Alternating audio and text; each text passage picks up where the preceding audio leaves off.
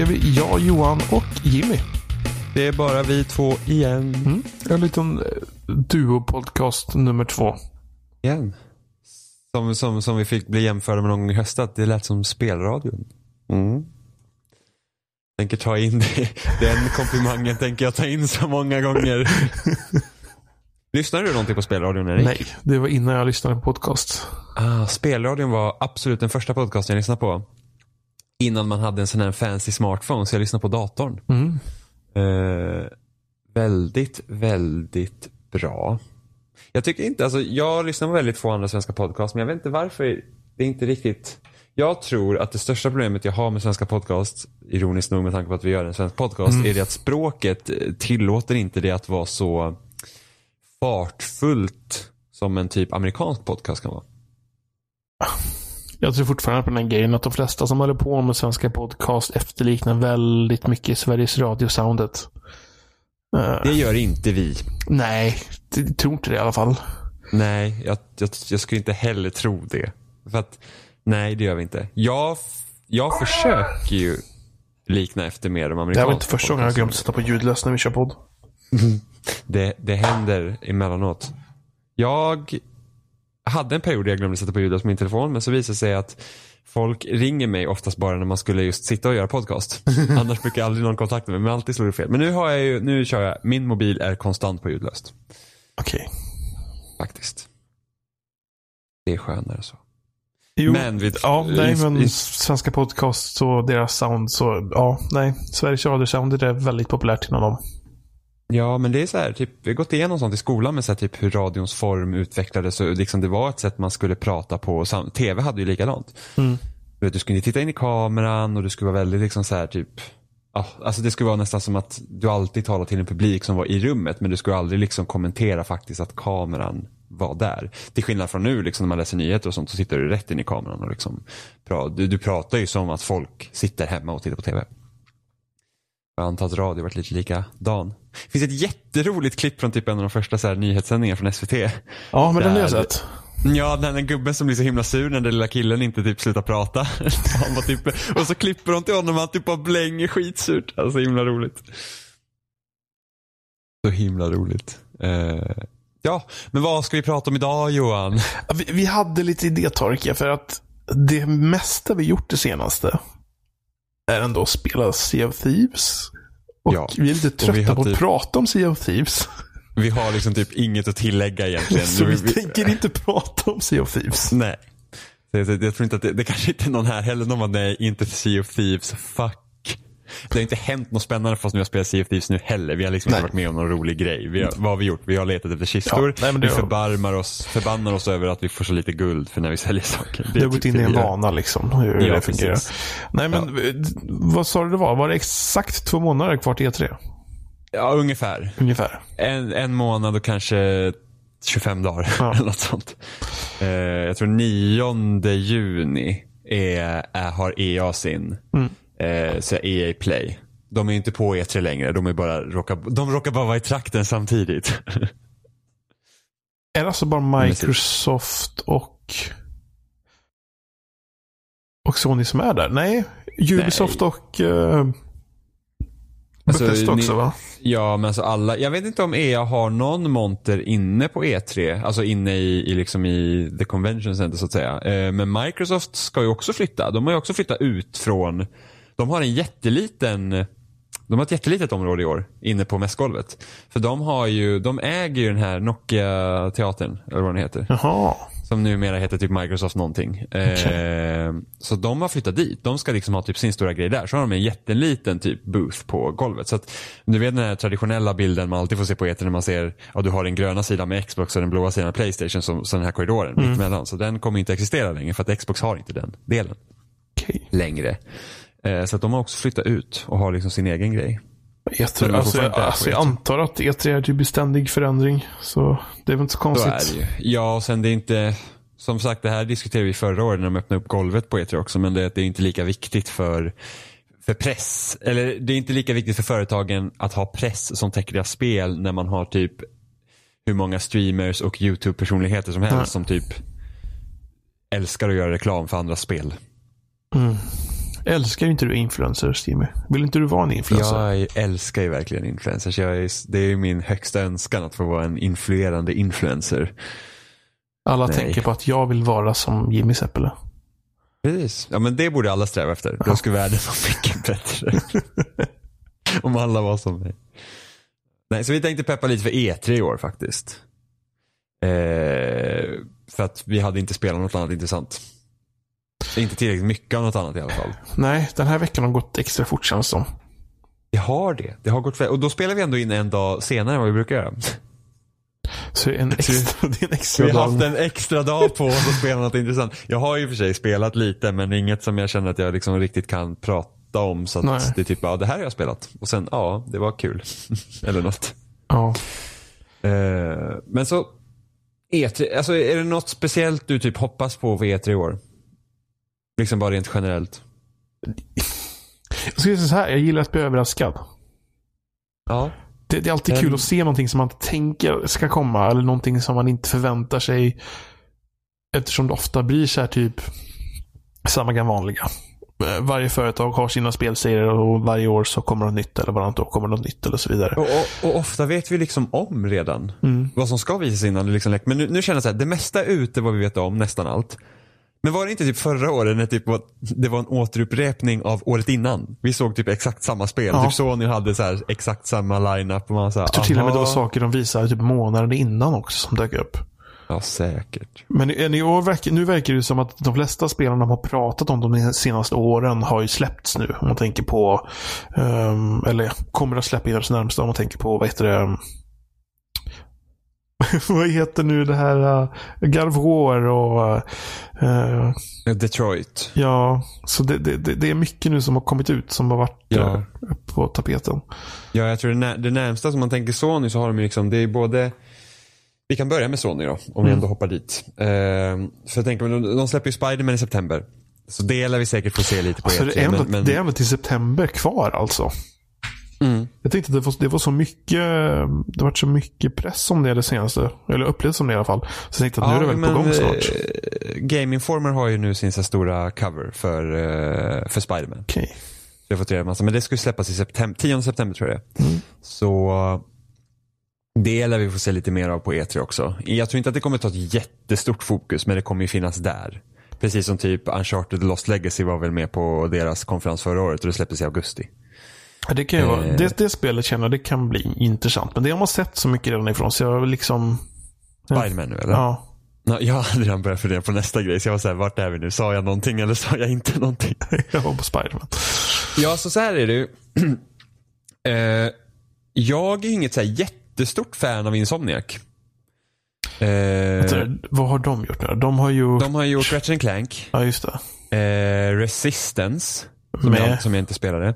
Eh, de gjorde Sunset Overdrive Just till det. eh, Xbox One. De gjorde sådana här konstigt överhopp där till Xbox helt plötsligt en kort period. Ja, men det var, eh, ja för då, det är det som är så himla lustigt med Insomniac, för de har ju alltid gjort spel till Sony, men Sony äger dem inte. Jag tror att det var Microsoft som bara typ, ja men de finansierade väl spelet tror jag. På något sätt. Men jag, jag har ändå för mig att Insomniac äger rättigheterna. Ja, jag vet inte riktigt hur det går till. Men, men så här, jag gillar ju, jag gillar Sunset Overdrive väldigt mycket för det är väldigt kul att spela. Ja, just det är ett spel som jag har tänkt att testa någon gång. Det, finns väl på Game Pass tror jag. Ja, gör det. Mm, ja, testa det. För det är alltså, I början är det lite segt innan man har låst upp tillräckligt många förmågor till sin karaktär. Men sen så kan du typ ta dig runt i staden utan att snudda marken. Så det, det är helt fantastiskt. Visst är det? Man hoppar runt och glider och har sig på saker. Ja, alltså det, alltså det är typ, jag tror det är det närmsta jag kan liksom känna att Overdrive var liksom till sättet att hur man, hur man liksom spelar, det är typ skate.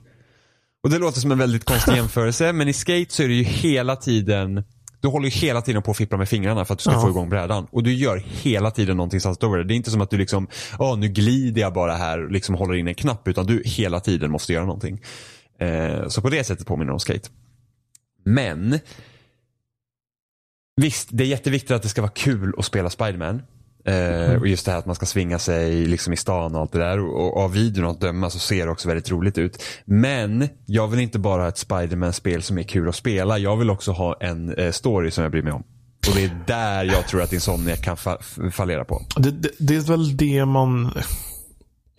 Jag vet inte, det, det känns som att Sony har ju fått väldigt filmiska IPn överhuvudtaget. Mm. Man tänker på Gavon och det ser väldigt liksom, fint ut visuellt. Och du har en charter, du har lä- Last of Us och allting. Ja, även Days Gone ser liksom ut att vara liksom Ja, något. så du, du förväntar dig någonting som har någon typ av hög storykvalitet. Och ja, bara en sån sak som den här boven i Spiderman. Jag har ingen aning. Liksom, det är helt ointressant.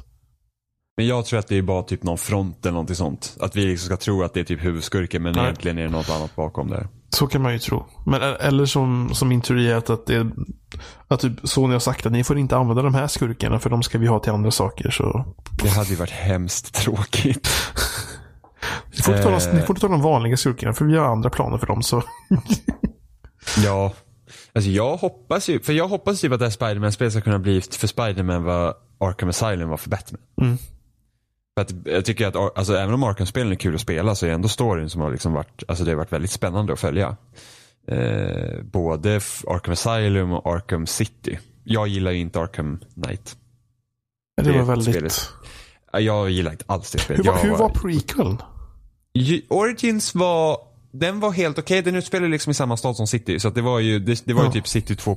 Okej. Nej okej, City 1.5 kan vi säga. Ja. Eh, med en intressant story. Men det var bara det att när storyn verkligen började liksom ta fart, då tog spelet slut. Ja. Så det byggde upp, byggde upp, byggde upp och sen så bara, åh oh, shit nu börjar det verkligen hända grejer så var det slut. Eh, men jag tycker att Origins är bättre än Arkham Knight. Jag tycker inte alls om Arkham Knight. Jag, det, hela, hela grejen med bilen förstörde det spelet. För det var, ingenting med bilen var kul och det var väldigt mycket som eh, involverade den. Och sen var storyn inte alls lika spännande heller för de hade den här, ja men som Arkham Knight då som skulle vara liksom deras typ egen skurk som de hade gjort och han var ju liksom skittråkig verkligen. Ja.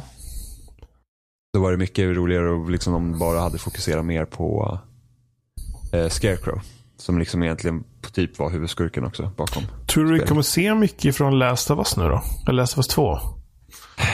Det beror ju på hur långt de har liksom kommit i, alltså en trailer definitivt. Mm. Men jag undrar om det, för det spelet kommer ju med all säkerhet inte släppas i år. Nej, jag, Eh. jag tror 2019 är. Ja, och då tror jag inte ens, alltså det ska ju vara, alltså jag är till och med tveksam på ens första halvan av 2019, utan då ska man nästan tro att det är senare halvan av 2019. Men det som talar för spelets fördel att det ska komma på våren istället för hösten är att Sony har sällan något större spel på hösten numera, för de kör fullt ut på tredjepartsspelen där. Eh, och alla deras stora spel kommer i princip ut på våren nu för tiden. Som Uncharted kommer ut på våren, eh, God of War kommer ut nu som är på våren. Det jag tycker det är intressant med Last of Us 2 nu, att det kommer i samma situation som Last of Us 1.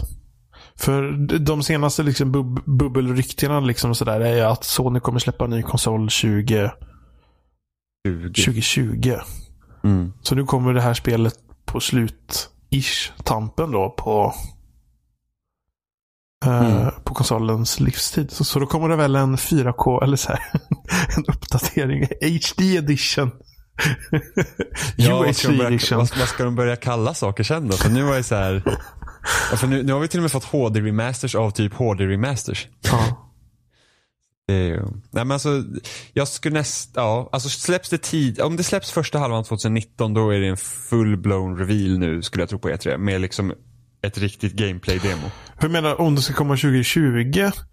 Då frågar man sig om verkligen nästa Playstation kommer då. Men på samma gång så är det ju det här med att det verkar som att bakåtkompatibilitet är liksom mode just nu.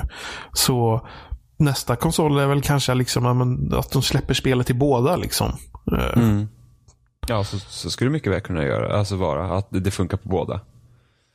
Det är ju- för galet nog är det ju omöjligt. 2018 nu. Så 2019 är liksom nästa år och 2019, eller 2020 är ju därefter. Så det är Men det är helt sjukt hur snabbt den här tiden har gått att de här konsolerna börjar bli, alltså de kommer vara fem år i höst. ja. Eh, och jag kommer ihåg när typ 360 var fem år. Ja, kanske inte riktigt fem, sex år. Runt 2011 där, då börjar man känna sig att nu är man redo för nästa steg. Men jag känner att med de här, både med Xboxen och PS4, så känner jag att nej, alltså, det har ju typ precis börjat. Men jag tror inte det är ett tecken på att spelen tar så lång tid att utveckla då? Alltså att orsaken till att det har blivit så mycket mindre spel på något sätt, att det känns så mycket tommare just för att det tar lång tid så att det blir glesare. Det är möjligt. Men ändå, alltså jag tror att jag tror att det är en större variation i spelen som kommer nu också just för att indieutvecklare har lättare att släppa spel till konsolerna. Mm. För att anledningen till att jag var så himla trött på förra konsolerna var ju också det att nästan alla spel var ju shooters. Ja. Det var ju liksom den här COD-eran där allt, alltså det verkligen var poppis att göra shooters hela tiden. Det var typ det enda som fanns. Nu, nu är alla spel öppen värld. Ja, nu är alla spel öppen värld, men det finns i alla fall in, alltså, det finns så många olika typer av spel som släpps på konsolerna just nu så att det är väl kanske, alltså visst, AAA-spelen är väl lite tråkiga eh, till viss del, men det kommer så mycket olika liksom indie-titlar också som gör att det är liksom, alltså det finns så mycket olika typer av spel att spela som inte riktigt kanske fanns på 360 och PS3. Så att jag känner liksom inte samma den här man känner inte samma, alltså trött på spel på det sättet som jag kände då. Men Har du- samtidigt är det ju ganska kul om man skulle gå bort från att alla spel ska vara open world också. Har du några tankar mer på Sony eller ska vi gå vidare till något annat? Nej, jag tror inte att, jag tror att det täcker Sony ganska bra va? Ska vi ta en liten konstig sväng då och ta Nintendo? Nintendo. Ja, där har vi ju säkert mer. För att Nintendo är så lustiga för att de, de utannonserar ju alla sina spel ganska tätt in på nu eh, när de släpper dem. Mm. Alltså, vi, har ju nästan inte red, vi har nästan inte koll på någonting av vad Nintendo liksom har, förutom typ Smash. För att liksom, om man tänker så här, Breath of the Wild utannonserades ju för flera år sedan. Det var ju typ tre år, eller var två år i alla fall innan det kom. Då fick man någon liksom liten trailer, bara liksom visa att de hade någonting. Och sen så Mario Odyssey fick, kom ju också i någon direkt, kanske typ en, ett och ett halvt år innan det släpptes. Eh, och nu är det typ Smash. Tror ni vet. Tror, tror du att de, de har lärt sig sina misstag? Att det är enkelt och, och bara, det är enklare att bara vänta och säga.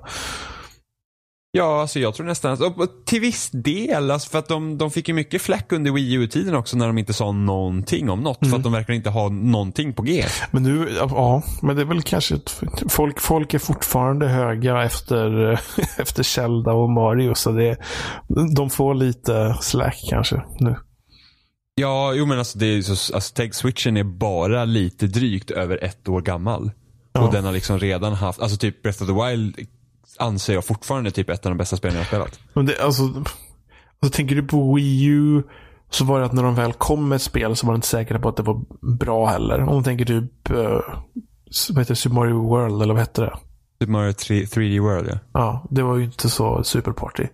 Alltså det var inte dåligt, men det var ju liksom inte det Mario-spelet man kände att man behövde. Precis, det var mycket, det var mycket på Wii U, liksom Wii U-generationen som var alltså det kom bra spel ibland, men ibland så var det liksom, eh.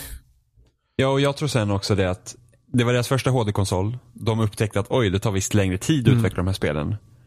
Och sen så sålde inte konsolen tillräckligt bra. Så då är det så här att okej, då, då jag antar att de snabbt började liksom fundera på vad är liksom nästa grej. Eh, som blev Switch då. Och då, då är det klart att då satsar man ju hellre på att få ut bra spel till den. Alltså jag, jag, jag vet inte om vi nämnde det någon gång i podcasten, men jag misstänkte ganska tidigt att, att Breath of the Wild skulle bli i, i en situation som Twilight Princess blev i. Att det skulle komma till båda formaten. Vilket hände. Mm. Eh, och förmodligen, jag kan ju tänka mig att Super Mario Odyssey från början var planerad till Wii U. Och sen flyttades det över till Switch. Tror du att vi egentligen kommer få se ett nytt Animal Crossing? Ja, om man tänker... Släppte de ett Animal Crossing till Wii U? Ja, nej. Nej, det gjorde de väl inte? va? Nej, Så- jo, var inte var det där konstiga typ brädspelsgrejs i som hade någon sån Amiibo-stöd? Ah, ja, men då har de inte släppt Ja, ett- men det kommer någon sån Animal Crossing Happy Home Designer och något Ja, det, Fast det kanske var till 3DS. Ja, jag tror också. Ja, jag har ingen koll. Ja, men det senaste riktiga Animal Crossing var ju 3DS då, i så fall. Ja. Och det var länge sedan. 2013? 13, ja. Alltså, det jag egentligen skulle hoppas för, för att det jag känner med Animal Crossing-serien är att den, den har ju verkligen i behov av att göra liksom lite nyare saker än att bara vara Animal Crossing känner jag. Ja, ehm, Alltså de gör ju så här småändringar hela tiden såklart. Alltså typ i New Leaf där så fick man ju ta hand om stan mer. Liksom och sätta ut nya saker och liksom man fick ju vara borgmästare i princip. Men det är ändå det här typ att man ändå hamnar i samma den här cykeln att man, ja, man går och fiskar för det är så man tjänar pengar. jo. Men jag tänker ju att det, det är ju dags. Eftersom jag tänker mig ju att mobilspelet är någon typ av Hej, kommer du ihåg det här spelet? Mm. Eh, och sen så kommer den riktiga varianten till Switch eh, Mm. strax. Eh, Vad hade du hoppats på i Animal Crossing? Alltså vill du bara ha mer Animal Crossing? Jag har alltid spelat Animal Crossing så jättemycket. Men ja, alltså, jag tror jag hade, jag, hade inte, jag hade inte dött jättemycket om det var bara något, alltså att det var mer finslipat till Switch. Jag hade nog inte klagat jättemycket. Ehm, kul om de hade fokuserat lite på online-grejerna typ. Mm. Hur man interagerar med andra, eh, andra personers eh, eh, städer och så vidare. Alltså något som jag hade älskat och jag tror att många inte skulle hålla med mig i det här som gäller Animal Crossing. Men en av mina favoritgrejer med GameCube-versionen av Animal Crossing var att det var fler hus. Det var ju fyra hus. Så man kunde praktiskt taget vara fyra personer som delade på en stad. Det hade jag önskat man kunde göra online. Att man kan faktiskt vara ett par kompisar som bor i en stad. Ja. och ta hand om den tillsammans. Och så händer det grejer medan man inte är där och så kan man spela tillsammans samtidigt. Det, typ det som Minecraft saknade på, 3, på konsolen när det kom, att man inte kunde ha en delad server utan det behövde alltid vara någon, den, liksom, den som hade servern på sin, eh, eller sparfilen på sin Xbox måste vara inne för att alla andra ska kunna komma åt den. Men jag hade, alltså, jag hade verkligen önskat att det var så att, ja men, jag säger att vi fyra liksom skulle ha en ha en stad tillsammans där vi har ett varsitt hus i den här stan. Och sen så får vi liksom, så kan man spela på den samtidigt. Jag tänker mig i alla fall att det, det känns svårt att förändra för mycket så att det slutar vara Animal Crossing. Men just online-delen, där, det är nog där jag känner att liksom, någon typ av, av sak där som gör det roligare att integrera med varandra. Eller liksom överhuvudtaget i alla fall. Även på, redan på man kunde, man kunde väl åka hem till varandra redan på DS-versionen tror jag. Ja, det kunde man göra. Och på 3DS gjorde de det ännu bättre. Och på, på Wii så åkte man till en stad tillsammans. Eller vad fasen var det? Ja, jag, jag, jag spelade faktiskt inte Wii-versionen. Nej, inte heller. Att, eh, men det enda jag kommer ihåg att det, de släppte det här tillbehöret Wii Speak. Ja, Just det, Som man mikrofonen. kunde ha på tvn. Eh, så att man kunde liksom prata med varandra när man spelade. Så att, eh, men då, då åkte man väl till typ den här, det hette, vad hette det? Cityfolk hette det va? Så var det nog. ja. Eh, så att då, då, då åkte man säkert till den där stan och kunde. Men ja, det hade varit kul med större, en större värld då också. Att, att, att själva, för jag tänker att de kan lite ta inspiration från Stardew Valley där. För Stardew Valley, även om inte den egentligen i, i praktiken är speciellt stor. Jag skulle nästan gissa på att New Leaf har större värld än, än Stardew Valley. Men det, det som är så kul i Stardew Valley är att du kan liksom gå ner i gruvorna och liksom hitta saker. Jag tänkte typ att Animal Crossing, då kan du så gräva upp efter fossiler och sådana grejer. Varför inte ha typ en gruva du kan liksom hämta Ja, du, fossiler tänk, i? du tänker till och med att nästan att Animal Crossing kunde kollat lite på den här um, Harvest Moon-formulan typ. Ja, fast ändå inte. Jag vill inte ändå inte ha de riktigt systemen att man liksom ska, att det ska liksom vara typ finnas någon utmaning på det sättet tror jag. Liksom att om du går ner i den här grottan så ska det inte finnas monster. Men jag hade gärna liksom att man att man liksom kan gå ner och gräva efter fossiler för att liksom det ska vara ett enklare sätt eller liksom roligare sätt att, att eh, fixa sin samling eh, till museumet till exempel. Uh, att odla saker utöver att bara kunna plantera lite träd och, och blommor. vet, Då. jag vet inte om det är nödvändigt för Animal Crossing faktiskt. Jag tror att det skulle, de skulle nästan behöva satsa på fler saker du kan göra tillsammans med folk. Mm. Att den sociala aspekten, precis som du sa, att det är kanske där de skulle behöva jobba med. Liksom sådana aktiviteter och sen typ, ja men det kanske gör så att du har typ en, en, en, en Förutom din stad då, som man kan dela med sina kompisar, om jag får som jag vill. Eh, ha liksom en typ en open så här, online hubbvärld och sen ha såna här eh, högtider. Liksom, de har ju sin kalender med högtider och festivaldagar och sånt och kör liksom onlinefestivaler. Att man åker dit och sen så kommer det vara massa andra människor där också som, som firar festivalen. Så kommer man in i en random server och så kan man liksom ha kul och fira grejer. Men tänk typ det här kommer ju kanske låta lite sorgligt, men tänk typ om du ska köra så här nyårsafton och sen så, kan, sen så kan man åka till ett ställe där flera stycken människor är och liksom fira nyårsafton. Exempelvis. Mm. Liksom sådana typ event. Online-event. Det, det, det, det, den riktningen hade man kunnat ta serien i. Och gjort väldigt bra. Men det är jag nog rätt så säker på att det är snart dags i alla fall. För det känns som att uh, smartphone-spelet var liksom någon typ av påminnelse Spela. att spelet Alltså- finns. Jag spelar väldigt lite av mobilspelet alltså. Det gjorde jag med för att det blev tråkigt väldigt fort. Ja, det kan jag tänka mig. Alltså jag typ jag typ startade och så gick jag lite så bara så ah, nej det här vill jag inte riktigt hålla på med. Nej, det, det är ju extremt komprimerat. Mm. Ja. Ja, Super, Super Mario Run kändes ju ändå som en, liksom en, en Mario-version. Men Ja. Animal Crossing kändes ju bara som en lite så här, typ förtitt på vad Animal Crossing kan vara. Mm. Pokémon då? Ja, alltså det är typ, jag följer den tråden på Reset Era där de pratar om de rykten hela tiden och alltså Pokémon-fans är en jobbig grupp människor ska jag säga.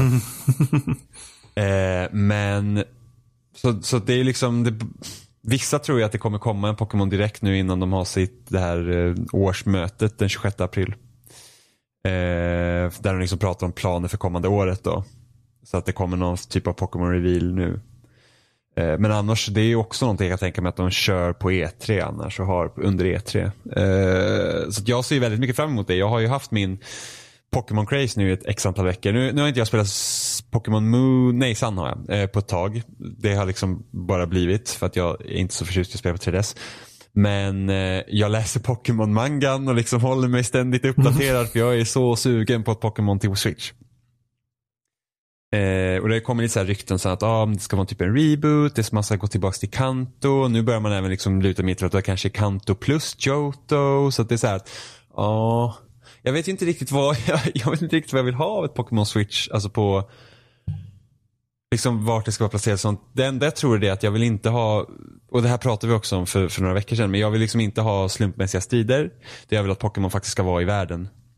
Eh, och sen liksom minimal story. Liksom, låt mig liksom bli typ champion eller någonting sånt. Och sen får man ha de här gymmen och så får man liksom gå runt och fokusera kanske mer på utforskning. Och, för att nu när man läser Pokémon-mangan också, så den verkligen fångar in allt jag tycker om med Pokémon. Liksom, det är mer den här äventyrsgrejen. Det är inte så styrt på samma sätt som typ spelen är. Du vet att du kör en mot en eller två mot två och sånt. Utan de använder sina Pokémon till alla möjliga liksom, grejer. Eh, och liksom striderna är sällan Alltså det är väldigt lite strider liksom som är typ så här matchregler utan det mesta är ju typ så här, det händer skit och sen så är de typ fem Pokémon som typ drabbar samman. Lite sådana grejer. Inte för att jag vet om jag skulle vilja ha det i striderna i Pokémon men liksom världen är så centrerad kring dem. Eh, på, på ett sätt som gör att det liksom blir spännande. Och det är det jag vill ha. Eh, jag vill att det ska vara spännande igen och det ska, man ska få den här känslan att det är liksom undersöka grottor och liksom hitta en Pokémon kanske aldrig sett förut. Och det tror jag verkligen man hade kunnat göra om det inte var slumpmässiga strider. För tänk om man går in i en grotta och så bara shit det finns rykten om att den här Pokémon ska finnas här och så får man se den liksom längre bort. Alltså, det hade varit- det har varit hur häftigt som helst. Alltså tänk bara det typ i, om Pokémon, vi säger att Pokémon Röd har varit ett stort 3D-spel och du går in i den där grottan och så ser du Mewtwo längst bort. Det har varit skräckinjagande. Så det är något Ja, sånt. jag, alltså, jag har svårt att se hur de ska göra den övergången överhuvudtaget faktiskt. Eh, från 3DS till Switch. Alltså jag har till och med sett folk som bara, nej men det lär ju vara ett 3DS-spel som bara är uppskalat. Och då bara, fy fan jag, vad hade, tråkigt. jag hade inte förvånat mig över det överhuvudtaget. Nej, men det hade varit så tråkigt att se så bara, nu har vi Switch, vi liksom, vi har ett spel, man kan få spel och se ut som Breath of the Wild och så kommer, man, så kommer nya Pokémon då till första gången på en, på, alltså första gången ett riktigt Pokémon på en stationär konsol och så ska det se ut som ett uppskalat 3DS-spel. Ja, då hade jag blivit så besviken. Det hade jag bara såhär, va? Nej. Det, det är typ det enda så att fine, det hade fått vara precis som Pokémon alltid har varit. Bara det liksom i alla fall se till ut. Men alltså det, nej jag, jag kan inte med det kom ju någon så här typ läckt bild, eller ja, läckt bild som folk har typ sagt är fake eller någonting sånt. Som såg ut typ att vara den här eh, vattendelen mellan Pallet Town och eh, Cinnabar Island. Eh, och då var det liksom så här, det såg exakt ut som den vägen med vatten och så hade man någon eh, tränare som red på en lappras och så, så var det typ de här öarna, sand, sand liksom stränderna där, de såg exakt i, liksom, i det här rutnätet såg det exakt ut som det gjorde på Gameboy bara att allt var i 3D istället. Det var så här, alltså om det ens skulle vara så så skulle jag vara besviken för att det är liksom om de till exempel går tillbaka till Kanto då ska det ju inte se ut som Kanto på Gameboy i 3D. Nej. Det måste ju vara liksom en helt nyrealiserad värld. Visst, alla namn och sånt kan ju vara samma och liksom ha, ha berg och, och allt sånt. Men liksom, Pallet Town kan ju inte bara ha två hus varav och sen en litet laboratorium där Professor Oak är. Det är ju löjligt. Ja. Och folk som typ när de spekulerar om det, de bara, men Kanto är för tråkigt för att det ska liksom gå tillbaka till det i en tredje vers. Bara, Men det kommer ju inte vara exakt samma Kanto. Det kommer ju ha alla ställen och sånt kommer förmodligen vara samma sak. Men sen så kommer de fylla på och bygga ut och städerna kommer förmodligen vara större i så fall. Såklart. Säger jag. Och sen så hade de då gjort det. Så här, Kanto, precis. Det ser ut exakt som Gameboy-spelet fast i 3D. Då hade det varit så här. Aha. Alltså min pepp hade ju sjunkit ganska, ganska mycket. Faktiskt. Har du några tankar om Pokémon? Jag vet inte hur stort Pokémon-fan du är. Okej, alltså jag, jag växte upp med att spela Pokémon, men jag, Mm. jag tappade Pokémon. Alltså jag, jag började med guld. Va? Sen köpt- Var inte du med på röd och blå-tiden? Sen köpte, nej, jag, mitt första Gameboy var ett Gameboy Color. Ah. Så, och sen så köpte jag Pokémon gul efter det. Eh, sen köpte jag aldrig något mer. Faktiskt. Du har bara alltså kört i princip guld? Och gul? Ja, i alla fall som jag ägt själv. Jag tror jag lånade Ruby till Game Boy Advance. Av Mm. någon. Eh, men Hur, jag... kommer, hur, alltså hur kommer det sig? Liksom att du inte har fastnat eller liksom var du inte intresserad eller hur? Why? Why? Hmm. Why? Okej, så Game Boy Advance var all... Den köpte jag sent. Köpte aldrig många spel. Mm. Um, satsade mer på att köpa GameCube-spel. Eh, DS. Så tror jag sky- skyller på mitt flashkort. Oh. För jag är nog rätt så säker på att jag har spelat DS-spelarna. Mm. Men man spelade ju en kvart någonting som var på nästa spel. Ah. Så jag tror, jag tror det är lite sådana där saker. Så, och 3DS har blivit typ en Zelda-maskin för mig. Jag har spelat väldigt mycket Zelda-spel på 3DS. Ah. Ja. För det finns ju typ... Man kan ju spela alla Zelda ifrån Zelda 1 till Majora's Mask. Ja, På- och sen finns det typ alla typ så här Gameboy-spelen och Ja. Game Advance-spelen finns väl också på den? Ja. Ja, inte Game Advance-spelen. Om, Game Advance-spelen har ju eftersom jag är sån Ja, här just det. ambassadör. Ambassadör. så, det jag så, så jag har ju... eh, Vad heter det? Minish Cap. Har jag ju. Ja. Så, så 3DS har blivit liksom som en liten Zelda-maskin där. Jag spelar liksom Majora's Mask och Ocarina of Time och sådär. Så det, kom, det kommer bli kul med Switch nu då. Att jag känner att det, det, kan nog bli dags faktiskt. Ja. Men- Jag, alltså jag har ju typ köpt alla mina bärbara Nintendo-konsoler på grund av Pokémon. Ja, men Switch är ju liksom- ja. Ja. Så jag tror jag, jag tror jag bara, jag hade två spel till min Game Advance. Och det var Pokémon Sapphire och eh, Zelda. ja. Så här, select. Och då finns det väldigt många bra spel till Game Advance också. Det är lite synd att jag typ bara, men sam, där var också jag satsade på att köpa GameCube-spel istället. Mm. Men jag hade Pokémon. Nej, men jag, jag, jag, jag, jag tänker så här. Jag har ingen aning vad de kommer göra. För jag vet inte vad jag ska förvänta mig från den spelstudion. För att det är liksom en spelstudio som har gjort så begränsade spel. Mm. Så jag tänker mig att om det ska bli något mer så måste de låna in muskler från annat ställe. Uh, jag jag. skulle bara så bli så grymt besviken om det inte liksom är att nu, nu, liksom, nu är det på riktigt. På samma gång kan man ju, kan man se en förändring från de tidigare spelen och de, senaste 3DS. Liksom, på hur i fall eh, kameran vid gubben och sådär är och så, så vidare. Så det är ju Kameran är fortfarande låst i Pokémon Sun. Du kan Oh. inte vrida kameran Men- själv. men men du annat- går inte på ett gridsystem längre. Du Nej. har full movement. Så det är ju ett steg i en riktning där. Eh, Så man kan tänka sig att det kanske blir... en- Jag, jag, har ingen aning hur de ska göra det där. Alltså. Nej. Vart är vi någonstans nu då? Vi har pratat om Nintendo. Ja, alltså måste bara nämna Metro Prime 4. Där måste vi få en full reveal i år. Ja. Jag kan inte tänka mig att, att, att vi inte får veta någonting mer om Metro Prime 4 i år. Och där är ju ryktena att det var, var det Bandai Namco Singapore Singapore. som ja. arbetar på det. Som var Lucas Arts Singapore förut. Ja, så, och de hjälpte till på Star Wars 1313. Alltså det, det är svårt det där. Jag, säga, vad, alltså, jag har lite svårt ens att förvänta Vad kan man förvänta sig av ett Metro Prime 2018? Jag tänker mig så här att...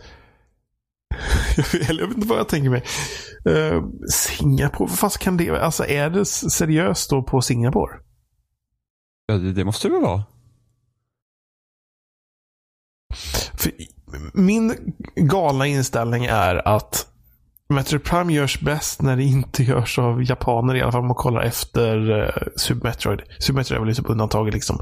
För att spelet har alltid haft en väldigt amerikansk touch på det på något sätt. Det är liksom action. Alltså det, är väldigt, det är väldigt annorlunda om man tänker på andra Nintendo-spel.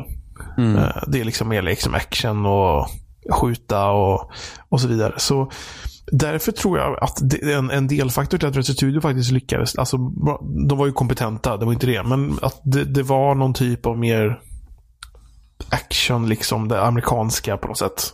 Fast Mm. ändå lite nedtonat. Det funkade. Därför tror jag väl att det var en orsak till att Other M inte funkade. För att det var helt fel studio att ta sig an det spelet. Det var, vänta, nu ska jag säga, vem var sur hade den? Var det Namco? Nej, det var, det var ju... Vad heter de nu då? Nej, inte nej, Team Ninja. Ja, precis. Nej, jo. Jo. Nej, det var det Team Ninja. Ja, vad, Team heter, vad Ninja. heter... Okej, vad heter de som... Nej, Ninja Theory som gör Hellblade och, och gjorde Ja. DMC och Enslaved. Nej, så Team Ninja var liksom, det blir liksom helt fel. För det blir någon konstig jävla röra.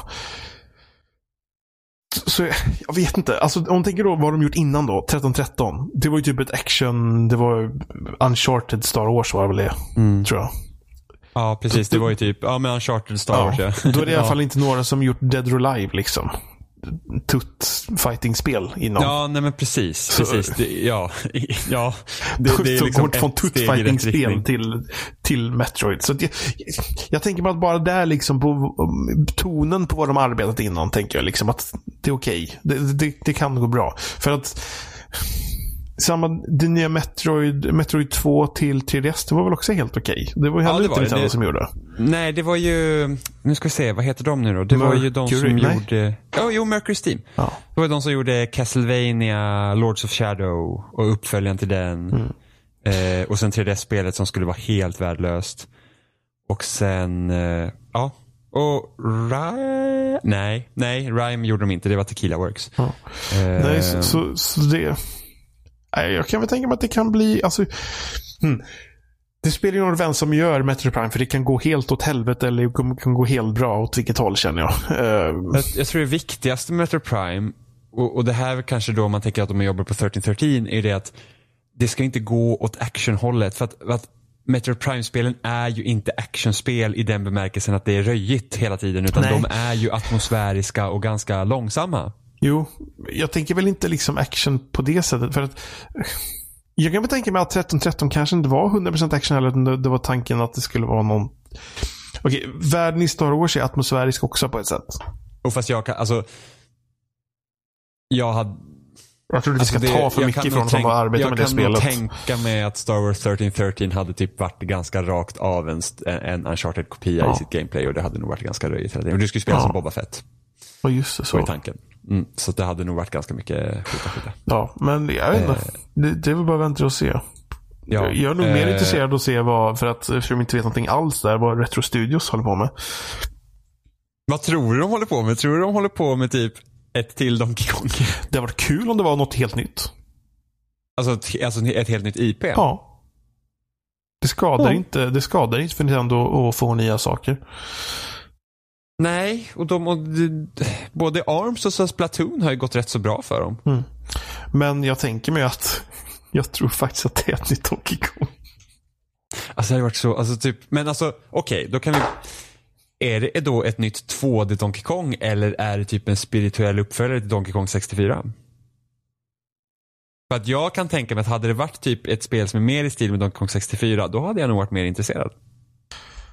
Jag Ja. tycker inte om Tropical Freeze, jag tycker inte att det spelet är bra. Alltså, jag vet ju inte. Alltså, det hade inte, ba- bara för att sänka mina förväntningar så tänker jag nytt Donkey Kong någonting. Donkey Konga 4. För att jag, jag kommer ihåg när det var, det Video Game Awards som bara liksom mm, var Retro Studios ska komma ut med något nytt. Men just det, var det typ Cranky Kong i... Ja. Så sen dess har ju Nintendo i alla fall visat lite kärlek till Metroid. Eftersom de gjorde Metroid 2. Ett spel som jag faktiskt borde köpa till min 3DS. Det är faktiskt bra, alltså jag tyckte det var riktigt bra. Ja, men det, det, är det vill jag köpa. Eh, jag tittade faktiskt på en video idag om just Metroid 2 från, om du har, jag vet inte om du har sett det på YouTube, med Game Makers Toolkit med Mark Brown. tror inte det. Ja, du borde prenumerera på den kanalen, den är så bra. Men han jämförde då Metroid eh, Gameboy-spelet med båda remakesen som kom. Det här Another Metroid 2 Remake från då det. fan-remaken Ja. och, eh, och då Metroid eh, Samus Returns. Eh, och jämförde de liksom vad gjorde Gameboy-spelet och vad, vad missade de två remakesen och vad gjorde de bra och liksom vad de ändrade. Mm. Så att han gjorde en sån jämförelse. Otroligt intressant och sen liksom det liksom att hur, vad han hade tolkat in då i Metroid 2 som saknades från eh, remakesen. Det här liksom att eh, typ lite at det atmosfäriska och så. Så det, det var, och, och speciellt då vad liksom Samus Returns remaken saknade. Liksom vad han tyckte de hade liksom missat. Mm. Eh, jätteintressant analys. Så det borde man se. Han gör då? Ja men i alla fall, han- de har, de, har, jättebra videos. de har ju visat lite kärlek till. För alltså, Samus Returns är ju ett bra steg upp ifrån Blastball och eh, vad det andra spelet hette. Just det. Ja. Just Då har det. jag förträngt det kanske. Ja, det där när de bara, men vi har faktiskt något med Metroid och så var det det där eh, konstiga typ bollspelet. Det var, ja, det var Blastball och eh, bollspelet och så var det något co-op-aktigt. Eh, också. Federation Ja. Force. Just det, så hette det. Så, ja. Där tyckte ju folk att de pissade på Metroid. Så jag tycker väl att Samus Returns är ett bra steg upp i alla fall. Eh, Ja. Ja. På tal om Metroid igen. Eh, jag vet inte, Retro Studios, ge oss någonting kul, typ. Tror du att vi kommer se ett nytt Mario Kart? Och tror du att det kommer vara ett Mario Kart i den eh, regeln att det faktiskt är Mario Kart eller tror du att det typ blir att Mario Kart går mer åt Smash-hållet? Att de redan på en gång satsar på att äh, vi kör typ full on med massa olika karaktärer från hela Nintendos bibliotek? Jag är jättetråkig för jag bryr mig inte om Mario Kart längre. Överhuvudtaget. You're breaking my heart Johan. Ja, men det, de, de kommer aldrig överträffa Double Dash igen. Jag spelar hellre Double Dash. Du har faktiskt lite rätt där. För att jag, tycker inte... Jag, vet att jag har testat till Wii U några gånger. Och jag tycker inte det är kul. Det, är- det, är för aj. mycket, det är för mycket grejer och jag vet inte. Nej. Starta igång Ah. GameCube istället och så kör lite Double Dash. Ja, Double Dash är faktiskt fantastiskt. Jag tror vi kan lämna det där. Double Dash är fantastiskt. Det, är liksom, det kan vara slutet på varenda konversation någonsin. vad, vad tror du om en så random studio som Ubisoft då? De har väl inte så jättemycket vi vet om va? Eh, nej, alltså det är frågan om vi kommer få se någonting mer av Beyond Good and Evil 2. Eh, men med tanke på hur ambitiöst det spelet verkade vara så Ja. tror inte jag att vi kommer se det på mycket länge. Alltså det kommer inte komma ut på mycket länge. Sen vet inte jag om de kommer ha visa någonting. Undrar hur länge de har hållit på med det de visade. För jag menar, det känns som, det har ju varit någon sorts development hell måste det varit, antar jag. Ja, men alltså, det- ja, för att alltså, första trailern på Beyond Good and Evil 2 kom typ 2008 eller något sånt där. Ja, med, och och det, det, de är inte samma spel. Nej, precis. Nej, och för då, då, då spelar man ju som, för det här är ju en prequel nu, tvåan som de visade upp. Medan första trailern, då var det ju, det var ju en uppföljare. Så det var ju hon Jade med grisen då. Just det. Eh, och sen så läckte det någon spelsekvens som såg väldigt så här, uncharted-inspirerat ut. När hon typ sprang genom någon marknad eller någonting sånt och hoppade över och slida på bord och grejer. Eh, som man fick se snabbt av.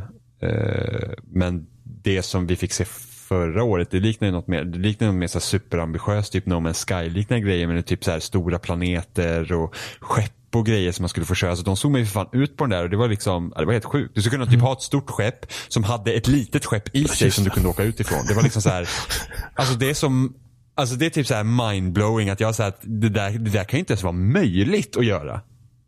Så att jag har ju typ så här, jag, jag vet inte ens vad jag ska hoppas på med det spelet. Det är bara så här, ja, det är ett spel som existerar som riskerar att hamna i typ samma så Ubisoft-mall som alla deras andra spel. Så att, med tanke på att det är en så stor öppen värld. Sen, sen har de ju x antal spel de brukar varva med. De har ju Far Cry, de har Assassin's Creed, de har Ghost Recon som de liksom har Och återuppväckt. Six. Och jag tror att inte att något, jag tror inte att de kommer visa något nytt spel i någon av de serierna Nej. i år.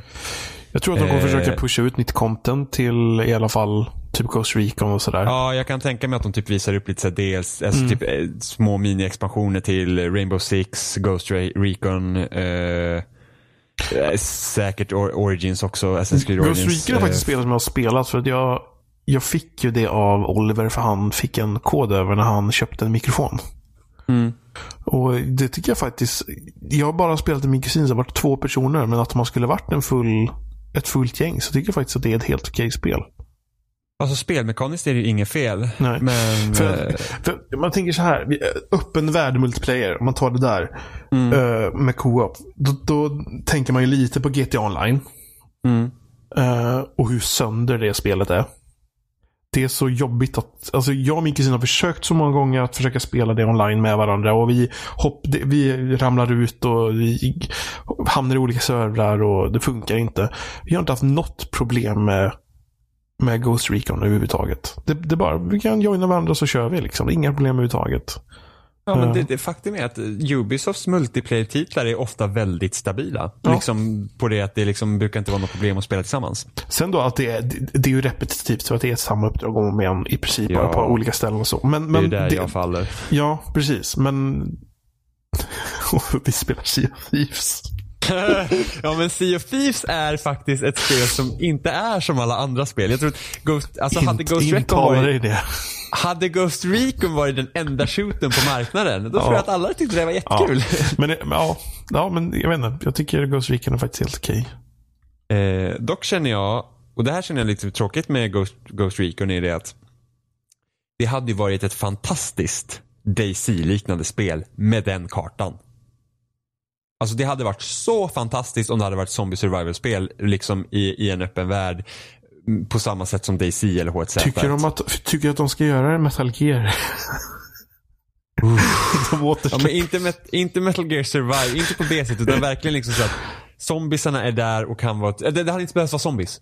Det hade inte ens behövt vara zombies, det hade bara behövt befolkas av andra spelare och det hade Ja. också funkat. Liksom att det här att du ska samla resurser, du ska överleva, du måste hantera, du måste dricka, du måste äta annars dör du. Du får bygga upp en bas och sen är du borta från spelet så den här servern finns kvar. Så du, du får gå in liksom hela tiden och försöka liksom försvara den grejen, precis som DayZ och H1Z1. Eh, Jag, ty- jag tycker det är fascinerande. Det vet jag att du har pratat om förut. Hur, jämt. hur dåligt egentligen, nu när vi är i liksom online-åldern, hur dåligt spelföretagen har fokuserat på online. Och att skapa liksom de här eh, upplevelserna liksom online på något sätt. Jag tycker att vi har haft liksom, eh, liksom online multiplayer liksom grejen på liksom, de här konsolerna så länge nu, men det vart har vi kommit?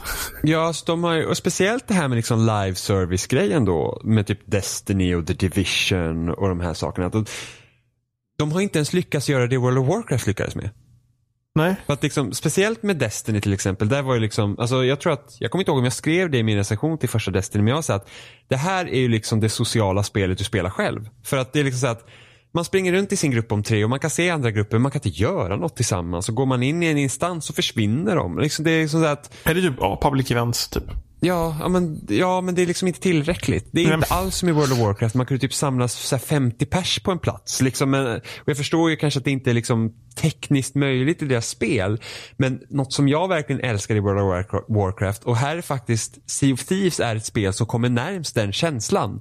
Är det att man, jag kunde vara ute på ett uppdrag jag ser andra som är ute och gör sina uppdrag och just, Ja. med, just med att World of Warcraft också var uppdelat i två lag. Du var ju Alliance och så var du Horde och det gjorde så att de här människorna som är Alliance de är alltid dina vänner och allierade. De kan inte förstöra för dig. Och sen hade du de här delarna på kartan där faktiskt Horde och Alliance kunde sammanträffa. Men du behövde inte slåss mot dem heller. Horde och Alliance behövde inte slåss mot varandra om man inte ville. Och den känslan är den som Sea of Thieves också får upp igen just för att vi kan och vi ser liksom andra skepp på kartan. Vi kan åka förbi varandra. Vi behöver inte göra något åt varandra. Men det är så tråkigt att liksom att Sea of Thieves är ett av de få som faktiskt har försökt att skapa liksom något, något nytt inom så här multiplayer. För jag menar oftast är det liksom, det är shooters. Du har Rainbow Six Siege och du skjuter andra spelare. Liksom, alltså, Mm. Men ingen har lyckats med liksom att få den här världen. Liksom Nej. att få, det här är en värld. Det är ju typ DayZ och H1Z1. H1Z1 kändes ju lite så. Men där var det ju också så att det, man kom ju ut till den punkten att ser man någon annan överlevare så skjuter man för att det är för, det är för, mycket, det är för riskabelt att inte göra det. Det där är ju fascinerande med Sea of Thieves för att där eftersom varje sektion är på ett sätt nollställd så finns det situationer där du inte har något att förlora. För om man tänker då ett, ett survival-spel som DayZ för det mesta vill du inte. Mm. Liksom, Medan eh, Sea kan ha varit, nu har jag lämnat in alla saker, eller jag har precis börjat spela, så det gör inget om jag åker över till den där båten och försöker vara vänlig. Mm. Man förlorar ju inte någonting på det. Nej. Eh, så det, där är ju en fördel. Ja, och H1Z hamnade någonstans i gränslandet eftersom du kunde bygga baser och liksom eh, du kunde bygga bas och sen så kunde du liksom lägga all dina resurser i basen. Eh, så dog du så kunde du alltid ta dig tillbaka till basen. Mm. Eh, men det var det jag trodde Thieves var från början. När de visade det första gången, så jag kommer inte ihåg om vi diskuterade det då, men då tänkte jag, hmm, kommer det vara så att det liksom går ut på att vi ska hitta skatter och sånt och sen så får vi liksom gömma skatten i världen för att det hela tiden var pågående. Eh, nu är ju inte spelet så, utan man, det, det, det är liksom, alltså det hade Let's- blivit ett helt annat spel om de hade gjort det så. Det hade ju blivit liksom, alltså det är så här, ett, det här är mitt liv. Två, liksom det hade blivit, det är inte liksom den chill upplevelse de vill ha att det ska Nej. vara heller. Men det hade ju varit intressant. För tänk att liksom ha din egen piratgrotta och liksom gömma dina skatter där och det är liksom din buffert. Men ja, Ubisoft. Ja, Det kan ju hända att de visar typ Watch Dogs 3. Jag vet att Watch Dogs 2 inte sålde lika bra som ettan men eh, vilket är intressant eftersom det är ett bättre spel. Ja, tvåan är ett betydligt bättre spel. Eh, och sen finns ju också möjlighet att de visar att jag, jag skulle inte jag, det skulle inte vara konstigt om ett nytt Splinter Cell blir det sista de visar på sin konferens. Med tanke på att nu att de har ju lagt till Sam Fisher något sånt uppdrag i Ghost Ja. Recon också. EA då? Ja. Eh, ja, alltså de kommer visa ett nytt Battlefield, vet vi. Mm. Och, och det andra Eh, världskriget vet Och det, det ryktas att det ska vara andra världskriget. Ja, det är fortfarande rykten alltså. Ja, det är inte, inget, det är inte bekräftat. Okej. Eh, jag tror att det kommer säkert komma en reveal innan E3. Vad Battlefield, är, vad Battlefield 2 som Mm. vi har skrivit i vårt dokument här är för någonting. Eh, har ingenting emot andra världskriget. Jag känner dock att det är för tidigt med ett Battlefield i år. Jag hade hellre haft att ett nytt Battlefield kommer nästa år. För jag, känner, jag har inte spelat alla expansioner till ettan än. Jag har liksom På- egentligen inget nytt sug på Men på samma gång har ju det spelet problemet där med det. Har inte det fortfarande... Fast alla nya utgåvor av det spelet så följer expansionerna med eller hur fan var det? Jag kommer inte ihåg. Men det, det, jag har i alla fall läst att det är, det är problem att hitta matcher på, ny, på expansionsbanan. Mm. Precis. Eh, så att jag an, skulle anta att det nya Battlefield inte kommer ha premium pass på samma sätt. Att, att de låser banorna bakom. Alltså, Bakom. det kommer vara intressant att se vad EA gör överhuvudtaget med de här stora serierna baserat på vad som händer med Battlefront 2. Ja, jag, jag tror att alla företag tittar på vad som händer med Battlefront 2 när de ska utveckla sina nya koncept för mikrotransaktioner. Eh, de tar ju bort, eh, nu ska se, Warner Brothers där. Eh, och de som utvecklar Shadow War, de tar ju bort sina mikrotransaktioner från det spelet. Men det tror jag är en större anledning till att ingen faktiskt köper dem. Och så samlar de på sig lite goodwill.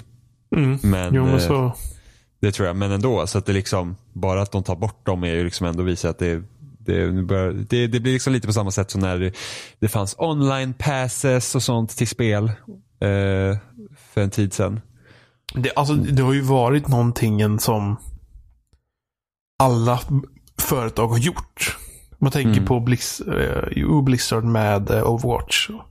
Och eh, ja, alla gör det.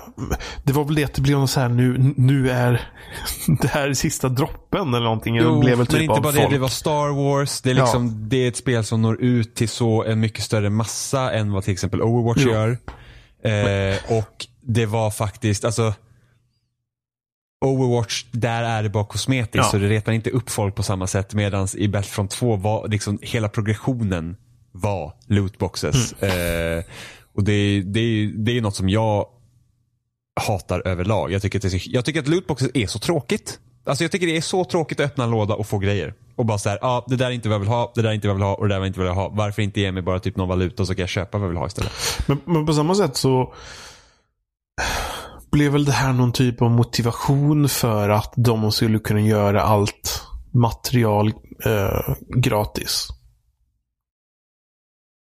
Ja, Så jo. om de ska fortsätta göra allt material gratis hur, ska de lyckas göra det då? Liksom? Man, man, får helt enkelt, alltså man får helt enkelt sluta göra bullshit liksom, grejer. Alltså det, det, det funkar ju, alltså vissa spel funkar ju. Alltså Halo 5 tycker jag fungerar helt okej. även om jag potentiellt skulle liksom ha velat haft en specifik hjälm i Halo 5 och aldrig kunna få den för att jag har helt enkelt inte Ja, för att, alltså, jag har inte köpt ett enda räckkort i Halo 5 men jag, liksom, jag kan inte få de kosmetiska grejerna jag vill heller. Liksom genom att bara öppna random liksom, kort. Det finns ju saker som jag fortfarande inte låst upp där då jag spelade det spelet i liksom 25 dagar. Uh, så så sådana saker är skittråkiga. Ja, egentligen behövs alla de expansioner som kommer till varje Battlefield-spel. Nej. Alltså, jag, jag, egentligen inte nej. Alltså för mig då, alltså, hade du frågat mig samma fråga under Battlefield 3-tiden så hade jag liksom bara såhär, jo men det är klart att man vill ha nya banor. Mm. Men, Men man, bara vi har inte tid på den, vi har inte tid att spela på det sättet längre. Så man, att, man har ju eh, sett trenden också hur, hur svårt det blir att spela expansionsbanorna i de här multiplayer-spelen. ja, ja, så nu är det ju nästan liksom, det är, nu är det för spelets egen del att man inte Just- låser bort material för att det är så hög konkurrens.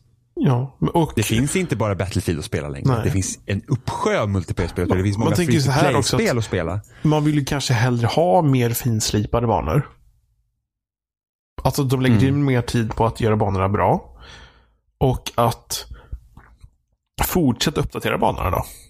Istället Mm. för att komma nya banor. Ja, för så som, alltså typ, ja men sen så tänk, alltså behöver inte komma så stora expansioner som, som med Halo 5 och så. De släppte en ny bana liksom åt gången. Det kom en ny bana. Overwatch släpper typ en ny Precis. bana när de släpper grejer. Det behöver inte komma liksom fyra stora banor på en gång. Även om det är kul när det kommer liksom många på en Men gång. Men, det var ju typ en känsla av, typ när, när Battlefield 3 kom, att, att more is more. mm, Allt var liksom större och jag vill ha mer banor, jag vill ha mer banor, det ska vara större, liksom, jag vill ha mer sak. Jag jag vet inte vad det är. Vi har, vi har blivit gamla, Jimmy. mm, jag tror det. Att det är lite den grejen att vi vi bara har någonting som är bra istället. Mm. Ja, alltså det hade, jag tror nästan det hade varit bättre om det släpper liksom, kommer kanske en bana liksom lite här och där i, i ett Battlefield. Eh, och sen så gör den riktigt bra och liksom verkligen finslipar på den istället för att släppa så många på en gång. Speciellt, på, speciellt på ett spel som just Battlefield som är Det är så stora banor, det är så många saker som kan påverka hur en match beter sig. Så det, det är ju verkligen ett spel där de behöver lägga ner mycket tid på att få det rätt. Mm. Ja, ja. Sen, sen har de ju andra saker på gång i ja. De har ju The Anthem. Ja, eh, spelet som Spelet som, eh, om det inte blir typ succé, kommer typ sänka Bioware i graven. Det är typ, det är typ risken för det. Hur, hur var det det? Hade det något releasedatum framflyttat eller hur? Ja, det, det var, jag tror det var från början var så hösten 2018, Ja. eller vintern 2018 och sen nu blev det framflyttat till 2019 tror jag.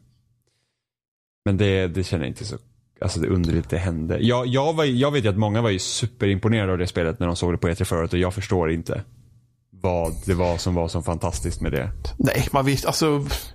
Vi vet för lite och jag tycker inte att det är så, alltså visst, det är säkert jättesnyggt om man inte ser det på en komprimerad YouTube-video. Jo, alltså men... det, det, det såg ju Frostbite snyggt ut. Liksom. Ja, och vi, vi har redan samtidigt- fått snygga spel.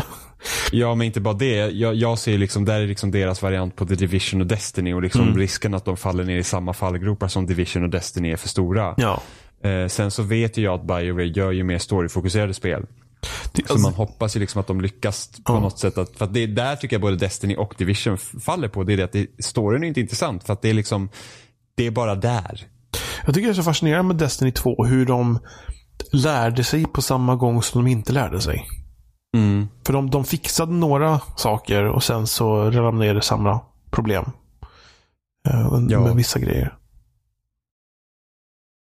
Sen så skulle jag ha här, typ som dröm att, att, att EA utannonserar ett nytt skate och en reboot på Dead Space. Bara så här, Så, ja, blir, det, vi, så blir det ett riktigt skräckspel igen då. ja, vi, scrap, vi scrappar liksom, vi scrappar gamla Dead Space men nu ska vi liksom, det är ett skräckspel, ut, utspela sig på en rymdstation. Med nya monster, nytt hot så att man får liksom bli rädd igen. Det, det, jag har önskat ett nytt Dead Space nu i flera år i rad och jag vet att det kommer förmodligen aldrig hända. Nu har de typ stängt ner studion som gjorde Dead Space. Så att, Just det, det har jag glömt bort. Ja, så att det är liksom... Nej. Får vi se då om vi faktum är att eh, de har ju några Star Wars-spel, andra Star Wars-spel som också är under utveckling. Som Just eh, det. eh, Respawn Entertainment jobbar ju på ett Star Wars-spel. Så att man får se vad, det är de som har gjort Titanfall då. Men Så just- man får ju se vad de, de eh, ja, har hittat på. Bethesda då. Där har vi också... Eh, hur var det med Wolfenstein? Skulle det bli tre spel eller var det ja, inte prat så, så, så som jag förstår det, som jag läste i någon intervju, att de har planerat Wolfenstein som en trilogi från början. Eh, och så som Wolfenstein 2 slutar så eh, är det ju liksom, Men tror du verkligen de det- visar någonting för ett nytt Wolfenstein då när det är så Nej. nära på? det tror jag inte. Det, kan vara kanske inte. typ att de visar en logga typ att de arbetar på saker. Mm, möjligt, men jag, det, jag tror det är alldeles för tidigt. Mm. Eh, men dock så känner jag liksom, det kanske börjar bli läge för ett Doom 2. Ja, om man tänker att de redan har teknologin färdig och verktyg och allting sånt där förmodligen. eh, Så kanske de borde kunna pusha ut liksom någonting som använder samma bas bara. Ja, för jag, känner, jag, jag personligen känner att jag inte att jag behöver ha ett nytt Doom. Alltså jag tycker att första Doom, alltså ja, första Doom av det nya Doom är ett fantastiskt bra spel. Men jag känner inte i behov av ett nytt Doom. Men jag kan tänka mig att det sålde säkert bättre än vad de hade till och med förväntat sig. Eh, och att det, att det ska komma en uppföljare till det är liksom en no-brainer i princip. Jag känner 1, verkligen att eller du, liksom, eh, vilket år kom det? Var det 2015? Doom 2016. 2016. Så Doom 2016.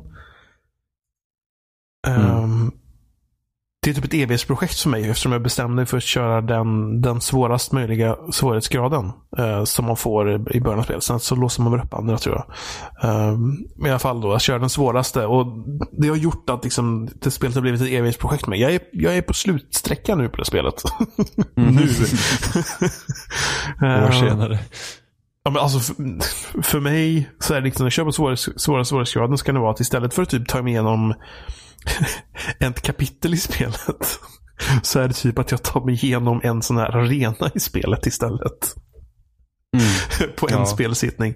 Så på samma gång som jag älskar det spelet något in i helvete så är jag så trött på det. För att det blir enformigt. Det blir, när man får någon typ, när spelet så här saktar ner för att man ska gå och trycka på någon knapp eller någonting. Gör något enklare bara eller hör, eh, hör lite liksom prat i bakgrunden när man bara går runt. Liksom, man får de här Mm. lite lågtempo så är man liksom bara, åh vad skönt.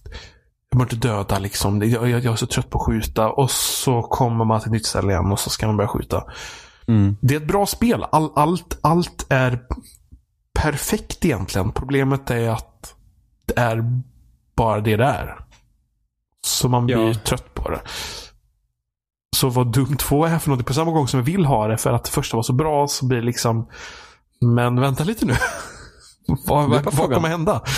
Och så är också frågan, vad ska jag göra med miljöerna i Doom? För jag känner det var tråkigt att återgå till Mars med de där liksom... Ryktet är att det blir Doom 2 Hell on Earth igen att det kommer ha någonting med jorden att göra. Ah. Ja, Jag har ju faktiskt inte spelat, eh, jag har ju bara testat typ det första, alltså allra första Doom lite, men jag har aldrig spelat dem ut dem. Du, du, får, du får köpa Doom på 360. så, så kan vi, så kan vi, det. så kan vi spela tillsammans. Det är bakåtkompatibelt. Jag tror det är bakåtkompatibelt. Kan vi spela co-op? Är det co-op i det? Ja, det går att spela co-op. Åh, det borde vi, vi kanske borde, vi kanske borde göra en stream när vi spelar första Doom. Ja. Jag tror, jag vet att det går att köra split screen i alla fall. För det har jag och eh, Carl spelat. Jo, det har vi. Det borde ju vara enkelt att ta reda på. Ja, nej, men det, Eh. det är kul. Och det är bakåtkompatibelt. Jag har i alla fall ettan har jag till 360. Så det har jag laddat ner på One också. Sen undrar jag vad Arcane gör. Eh, och Arcane utvecklade ju förra året Prey och de har också gjort Dishonored. Och förra året släppte de släppte två spel förra året. Det var, Ar- eh, var Prey och Death of the Outsider. Eh, men jag är väldigt sugen på dem för att de, de är en jäkligt bra och underskattad studio. De har liksom inte, första Dishonored gjorde väl helt okej men både Dishonored 2 och Prey liksom har det gått lite knackigt för vilket är lite synd för att båda spelen är superbra verkligen. Alltså, alltså det finns typ två, tre nivåer i Dishonored 2 som är helt amazing. Jag tycker, jag tycker det är fascinerande hur Bethesda har blivit en sån kvalitetsutgivare på något sätt. För att Ja, och de gör spel som ingen annan riktigt gör. mm, de, de är lite kaxiga dock och det tycker jag inte om. De har i alla fall börjat med recensionsexemplar igen va? Tror jag. Ja, För det var ju liksom, Doom, är så, Doom var så bra så att kolla här, vi behöver inte recensionsexemplar. Ni kan lita på oss ändå. ja men de hade börjat skicka ut igen. Det hade de faktiskt gjort. Men ja, eh, men det är fascinerande hur mycket kvalitetsutgivare de har blivit. Eh, men tråkigt att det inte gått bra för Arcane-spel då. Ja, med tanke på, alltså det är liksom en typ av spel som inte riktigt någon annan gör. Jag förstår liksom inte varför. Just det, när Prey kom ut förra året, det, det kom ut ganska olägligt med tanke på att det var typ, alltså den spelvåren förra året var helt sinnessjuk. Alltså det var ju liksom helt galet hur mycket bra spel som kom och liksom Prey hamnade lite i skymundan där. Men alltså, för det, det var ett av de bästa spelen som släpptes förra året tycker jag. Eh, och liksom de, de gör de här, men de gör de här spelen som typ ja, System Shock, Thief, Bioshock, liksom lite den typen av spel som är typ semi-öppna världar. Ja, som Prey utspelar sig liksom på en rymdstation och där var man liksom, så gick man runt och, och liksom undersökte och, och liksom fixade grejer och Dishonored har ju liksom stora liksom nivåer som man tar sig igenom som är liksom inte är linjära och sånt och det är inte det, det är liksom, speciellt inte nu när utveck, utgivare ba, eller utvecklare bara gör typ open world så gör ju inte de riktigt så. Eh, utan de gör ju mer lekplatser som man får liksom gå runt i och testa och, och leka med systemen. Så att det är lite synd. Men Bethesda har ju som vanligt bra. en egen, en egen liten eh, presskonferens. Så de har ju förmodligen saker att visa. Ja. Alltså det folk, jag kommer ihåg när de, när de när de hade sin första presskonferens då alla var ju så ja men nu är det dags för Fallout 4. Eh, och sen... Så var det det. Ja, precis. Och sen förra året var det så här, ja men vad ska de visa nu? De har väl ingenting, men så hade de ju ändå en del grejer. Och sen i år, då är det liksom, ja, de börjar liksom bli en riktigt bra utgivare. Eh, och sen du sa väl lite innan vi snackade att det börjar bli dags för ett nytt Elder Scrolls nu. Alltså kollar man på åren mellan Fallout 3 och sen då eh, Skyrim och sen då åren mellan Skyrim och eh, Fallout 4 så, så är det faktiskt dags nu. Och då är frågan, var ska nästa Elder Scrolls utspela sig? Ska vi se, vi har haft Morrowind, vi har haft Skyrim, vi har haft Cyrodiil? Ja. Cyrodiil, ja. Och Morrowind ska ju bli bakåtkompatibelt med Xbox One ju. Mm. ja det, det är imorgon, väl? Ja, det är fan. Det är ju imorgon. Det Ja. är nog... Eller jag, igår förresten. jag tror faktiskt att jag kommer skaffa det. Jag med och sen kommer jag förmodligen aldrig spela det. Nej, men vi får typ sätta oss och spela oss och så snackar vi party samtidigt. Ja, för att så som jag förstår det så typ fungerar uppdragen så att du, du har inga markörer och sånt. Utan Nej. det är bara att du får veta vart du ska. Det är kanske till och med du som berättar det här för mig. Ja, eh, Du, du får typ liksom nordväst. Det finns en grotta liksom söder om här. Där finns några banditer typ.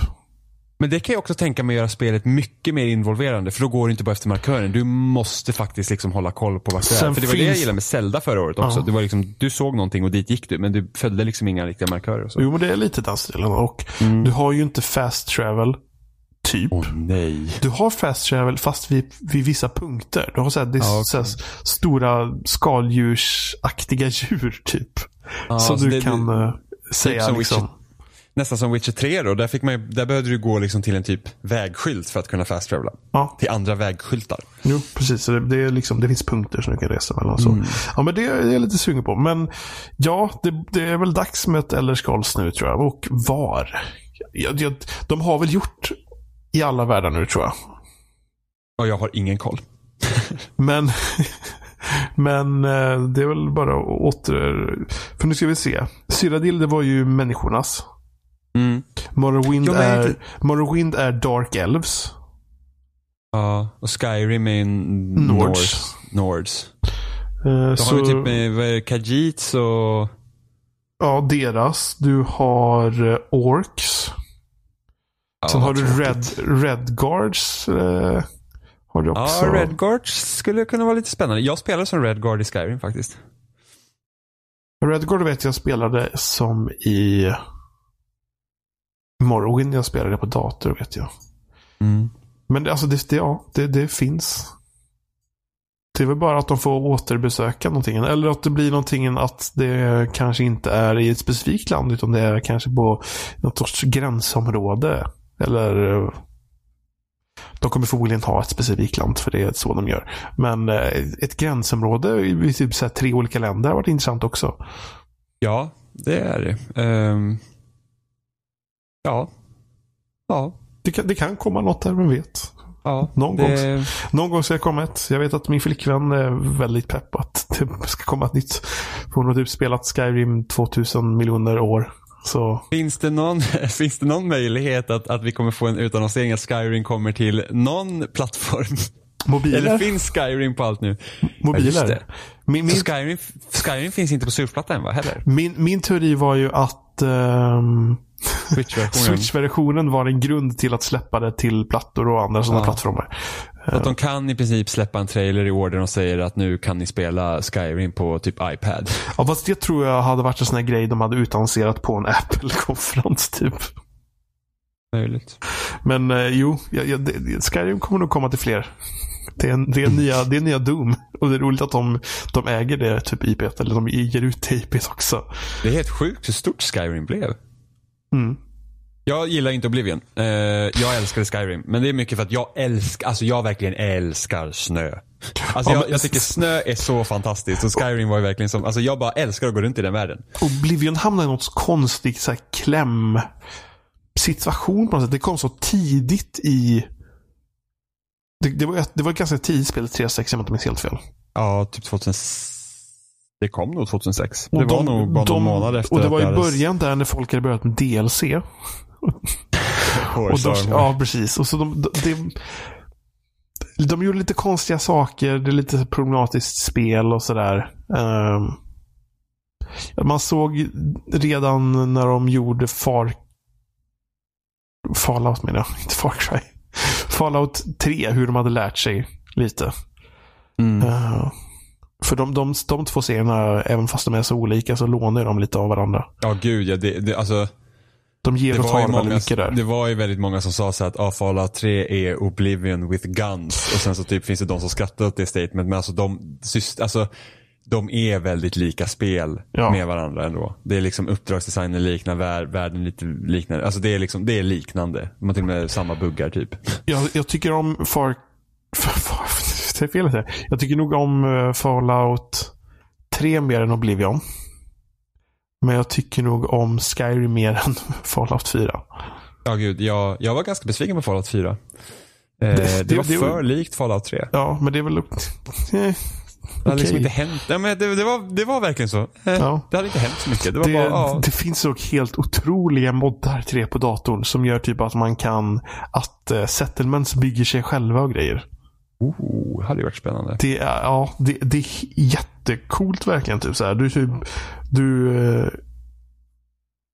uh, man bara liksom bygger någon grej eller någonting sånt. Ett skrivbord säger att en av ens companions ska vara uh, fast heter det då? Mayor? Uh, ja, som styr, liksom, led, ja, leder över settlementet. Ja, och, och under tiden liksom då ser du till så att det kommer resurser dit och sådär då. Så byggs staden helt automatiskt. Men gud vad häftigt. Det, Sim Settlements tror jag den heter, den modden. Den tror jag finns till Xbox One faktiskt. Oj! Det måste... Hmm. Mm. Ja, jag tror faktiskt den gör det. Kolla på det. Ja, det borde jag kolla in någon gång. Um, så det, det, ja, det finns liksom för att den delen av spelet är för tråkig. Ja, det, det, är för mycket alltså, micromanagement. Det finns för mycket liksom, ställen att hålla koll på. Ja, uh, och det var inte jättekul att bygga dem heller tycker nej. jag. Det, var, det, blev, det kändes så väldigt begränsande. Så uh, någon typ av autobyggsystem uh, borde verkligen de kolla på själva. För att förvånar mig inte om alls som de kommer fortsätta med de här byggsystemens grejerna. Mm. Ja, de lekte lite med bygg byggandet i Skyrim också när man kunde få en egen stuga och grejer. Mm. Ja, det var ju en expansion där. Mm. Ja, eh, Microsoft har vi inte pratat om. Ja, det det är mycket, liksom... jag, tycker det är mycket frågetecken där överhuvudtaget. Ja, men det är så här, med Microsoft är det verkligen så att varenda år så att nu måste de verkligen slå på stora trumman. Det måste ja. komma liksom egna grejer där. Så är det i år också. Nu måste de verkligen visa upp alltså, ja. nya saker. För att... nu, nu har jag Xbox och nu vill, vill jag verkligen så. På samma gång har de väl sagt att alla deras egna spel ska släppas i dator också. Så jag vet inte vart jag kommer spela dem. Ja, men bara de har sitt Play Anywhere så är det ju skitnice. Precis. Um, nej, men jag, ja, Halo 6. Jag hoppas att det kommer till PC. För att det har varit kul att kunna spela på PC. På samma gång har jag Xbox nu så att jag bryr mig inte riktigt lika mycket längre på den fronten. Uh. Nej, alltså man känner ju ändå att Halo 6 är, alltså är det något de vill hålla liksom typ Xbox exklusivt så är det ju Halo 6. Men samtidigt vet inte jag hur, hur stor dragningskraft Halo har längre. Nej, jag, jag, jag tror nog att nästa spel kommer att... Eh, för att hur var det nu med Gears 4? Det var Play Anywhere. Ja. Men multiplayer var uppdelat, tror jag. Ja, jag tror de har testat jag tror de har testat vissa så här, typ server och grejer och ha så att du kan spela med PC-spelare men du kunde i alla fall spela kampanjen mm. i co-op med PS, mellan PC och Xbox. Ja, precis. Så jag tror väl att någon sån grej för att det, Nej, det kommer det... inte gå att spela PC, alltså det kommer inte möta, du kan hade... inte ha PC-spelare i, men det hade multiplayer. Varit, det hade ju gått om man hade kunnat vara säker på att den som satt på PC körde med kontroll. Typ att man ja. liksom, men ja. det, det, kan man inte vara säker på. Det kan gå säkert att lura på något sätt. Att det ja. ser ut som att man spelar med kontroll, men man kör mus, handboll och så äger man folk lite. Um... Ja. Men det jag hoppas inför Halo 6 i alla fall. Och det är det att Oavsett hur trött man är på den här typen av spel, men alltså de borde verkligen ha ett Battle Royale-läge. I Halo 6. Jag känner att de hade kunnat särskilja sig med Halo. På det sättet. Att, att, att Halo i sig självt är så pass unikt att det hade inte känts riktigt som något annat Battle Royale-spel. Det hade varit ascoolt och jag, jag kommer bli jättebesviken om det inte händer. Jag, jag känner verkligen att det borde hända. De borde ha ett Battle Royale-läge i Halo 6. Att liksom tänk, de, ska kunna, de ska kunna ta det som Bungie gjorde med Reach, att de tar Forge World och så bygger de upp det som en Battle Royale-karta och sen så kan du även, så kan du även använda den kartan som typ Forge-karta sen någon gång. Och sen så, då har de liksom ett stort område och sen så kör 100 pers. Har vi något, ut i sådana här pods. Har vi något faktiskt nytt ifrån Microsoft som bubblar? Ingen aning. Jag vet att det typ, vissa typ viskar lite om så ett nytt Perfect Dark, vilket jag tycker är hemskt tråkigt. Alltså de behöver alltså det, de, det de behöver är inte typ fler shooters. Nej. De behöver ha andra typer av spel. Men det känns som att de har lämnat över det till de här äh, till typ indie-scenen och hela den historien typ. De är, de, är de är dåliga på det med exklusiva saker. Ja, och sen de ska behöva också liksom, för att det är det som skiljer, skiljer Microsoft och Sony, att Microsoft kör ju väldigt mycket gameplay, liksom, de satsar ofta på de spelmekaniska aspekterna medan även om Sony också då har många bra spelmekaniska aspekter i sina spel så är det inte där fokuset ligger ofta när de visar upp det, utan det är ofta story. Som, typ som ta God of War nu till exempel. Alltså visst, de har liksom ändrat... Alltså God of War har alltid typ varit så här mycket för hur liksom man spelar de spelen. Men, och så tänker man nu på den nya God of War. Där har de liksom ändrat hela spelsystemet hur man spelar det. Eh, men liksom det ligger en väldigt stor betoning på storyn i det spelet. Och det är ju det jag tror att folk ofta liksom när de kommer ihåg spel och så, så är det ofta story man tar ifrån sig. Liksom det är inte som att Åh, det var så himla coolt att typ basha in skallen på den här fienden i Last of Us. Nej, det är storyn man fokuserar mm. på. Du tycker inte om Nathan Drake för att han mördar hundratals människor med sina kampanjer, utan det är för att du storyn du bryr dig om. Och sen har du liksom eh, Quantic Dreams som typ bara gör storybaserade spel som Heavy Rain och nu det som kommer så Detroit. Eh, och även Days Gone, även fast det också liksom är då ett spelspel så är det liksom storyn man fokuserar på. Eh, Medan Microsoft liksom Visst, Gears och Halo har ju också storyn i men det känns något, det, de, de har ju så liksom eh, tunga multiplayer-aspekter i sig så att det är ofta där man satsar på. Liksom Sunset Overdrive var ett spel som hade ganska dålig story. Eh, men där var liksom också gameplay-aspekten. Eh, Cuphead är liksom ett indiespel som de, som de hade då. Det var ju liksom också, det är gameplayet som är viktigast där. Inte storyn. Eh, så att det jag skulle gärna vilja, alltså, de skulle nästan behöva ha något liksom att, liksom att de ta spel som ett berättarmedium och, och liksom sätta sina pengar där också på riktigt episka typ single play-kampanjer. Det är vad jag vill ha av dem. Jag behöver inte ha Perfect Dark som är en ny shooter. Jag behöver inte, även om vi säger att de liksom knyter till sig nya Splinter också. Ja, men liksom, ni har den typen av spel redan. Mm. Ni behöver ha, ni behöver, de behöver bredda sin ex, ex, exklusiva bibliotek. De behöver ha en bredd. Och det har Sony. Sony har en bredd på sitt bibliotek. Men mitt, mitt Playstation 4 låter som en jävla virvelvind så jag vill inte ha några mer bra Sony-spel. Nu får Microsoft skärpa sig. För mitt Xbox One X, eller Microsoft, Xbox One S är så tyst och fint. Så jag vill ha mer spel ah. där. God of War kommer döda min PS4. Jag har faktiskt kollat upp det hur man skulle kunna lösa det och tydligen så brukar det inte hjälpa att ta bort dammet. Nej. Utan man måste byta kylpasta på processorn. Jaha, Och är det det, är- svårt? Krångligt. Man får ta isär allt. Det lät ju inte så kul. Så det är nog dags snart att köpa ett nytt Playstation 4. Köpa en Playstation Pro då. Ja. Eller du har ju 4K. Jag skulle nog tänka mig att köpa en Slim faktiskt. Finns det Slim Playstation 4? Ja. Hade inte jag. Jag kommer inte jag ihåg. Att jo, det. Det var väl ungefär samma gång som, det var samma gång som Pro kom. Åh fan. Så det finns. Och nu behöver man inte tänka på hur mycket hårddiskutrymme man har längre. För där kan vi ju köra på extern hårddisk också i värsta fall. Ja, jag, tog, jag köpte en 4 terabyte till min Xbox One X och sen så tog jag min 2 terabyte som jag hade till min Xbox till min PS4. Så nu behöver jag inte, för att PS4 har ju så himla dumt när man installerar spel på den för den måste ju typ reservera utrymme. Så att jag kan ju typ ha så här 6 gigabyte ledigt men kan ändå inte installera något spel. Så att det är skitjobbigt. Så att jag hade så här, alltså jag vill typ inte köpa spel till min PS4 för jag visste inte, jag vet inte vilka spel jag ska ta bort. Eh, Men nu har jag löst det. Men PS4 har typ ökat i pris. Oj! Eller snarare, den har typ inte sjunkit i pris överhuvudtaget. Den är så dyr. Som fan. Ja, ja. Den kostar typ Jag 3 är och inte- 2. Jag är inte i behov av en ny PS4 egentligen heller. Jag Det, tänker bara det, värsta, det, det värsta som skulle hända om min PS4 ryker är att jag har PT på den. Ja, just det finns-. Ja, det är liksom den. Det är, det är den grejen. Det är bara, ja, jag PT på min PS4. Kul. Har vi något lite sista? Jag menar, Microsoft är liksom, ja. Det kommer förmodligen komma kanske något nytt Forza eller någonting. Ja, ja men precis. Horizon 4 lär väl visas. Vi har Ja. Halo 6 förmodligen. Eh, kan de teasa Gears 5? Det kanske är lite tidigt, kanske inte. Men det är liksom, ja, det är deras treenighet. Det är Gears, Forza Och Halo. Eh, förut var det ju Fable, men det har de inte haft så länge. Och jag, vet inte, jag vet att folk är såhär, ah, vi ser ett nytt Fable. Och så här, Nej, jag vill inte se Fable. Jag vill inte se Perfect Dark. Jag skulle kunna se ett Banjo Kazooie. Jag kan sträcka mig så långt.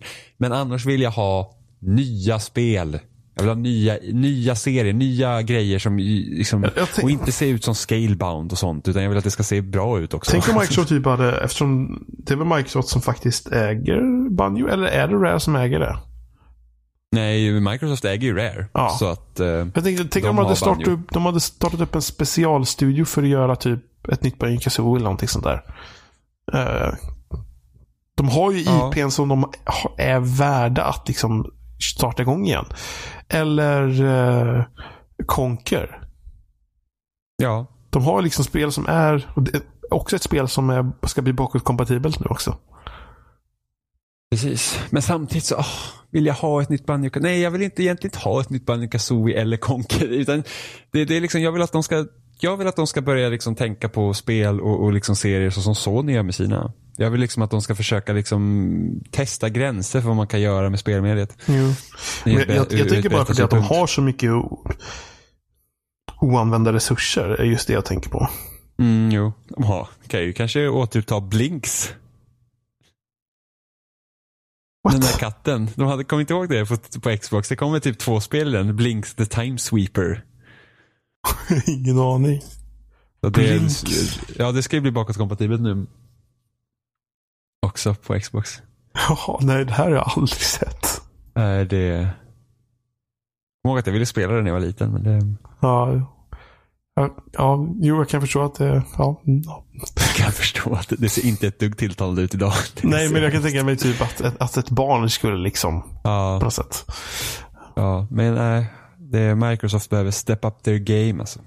Hur är det med saker utöver alla de stora jättarna då?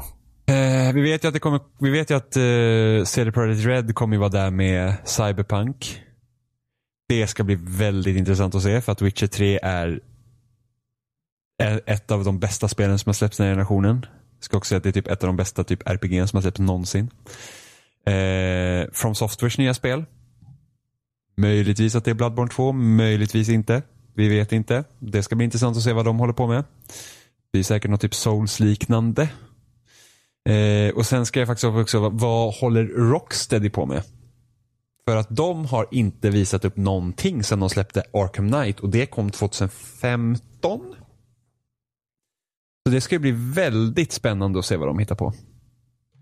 Jag vet att vissa typ pratar om att de kanske skulle typ göra ett Justice League-spel, men det är så här, Ibland tycker jag att folk är lite tråkiga när de hoppas på saker, för det är så här att ah, men de har gjort Batman, så självklart hoppar de på nästa så DC-property.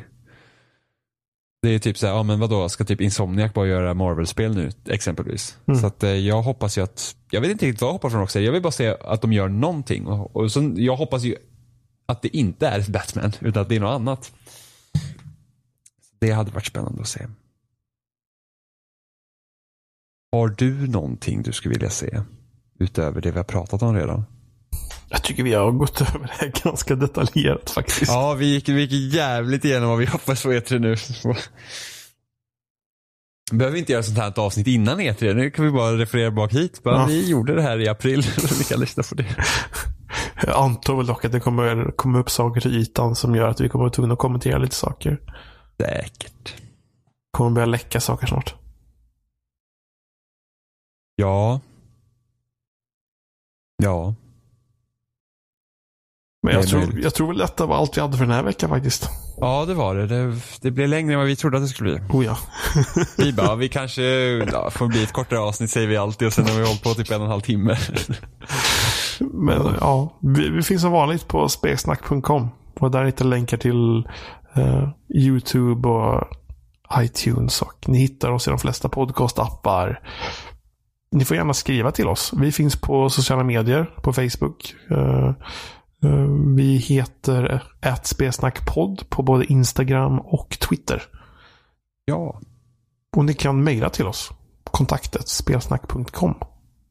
Ja. Do it.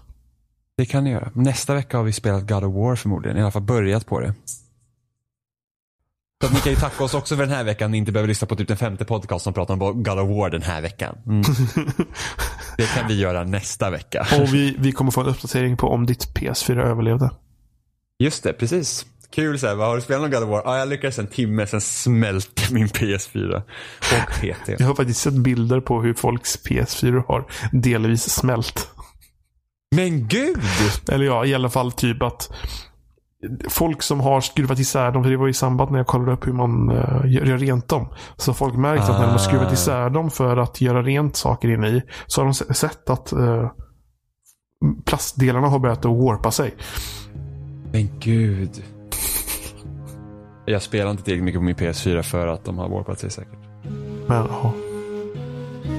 Vi hörs nästa vecka. Det gör vi. Hej då. Hej.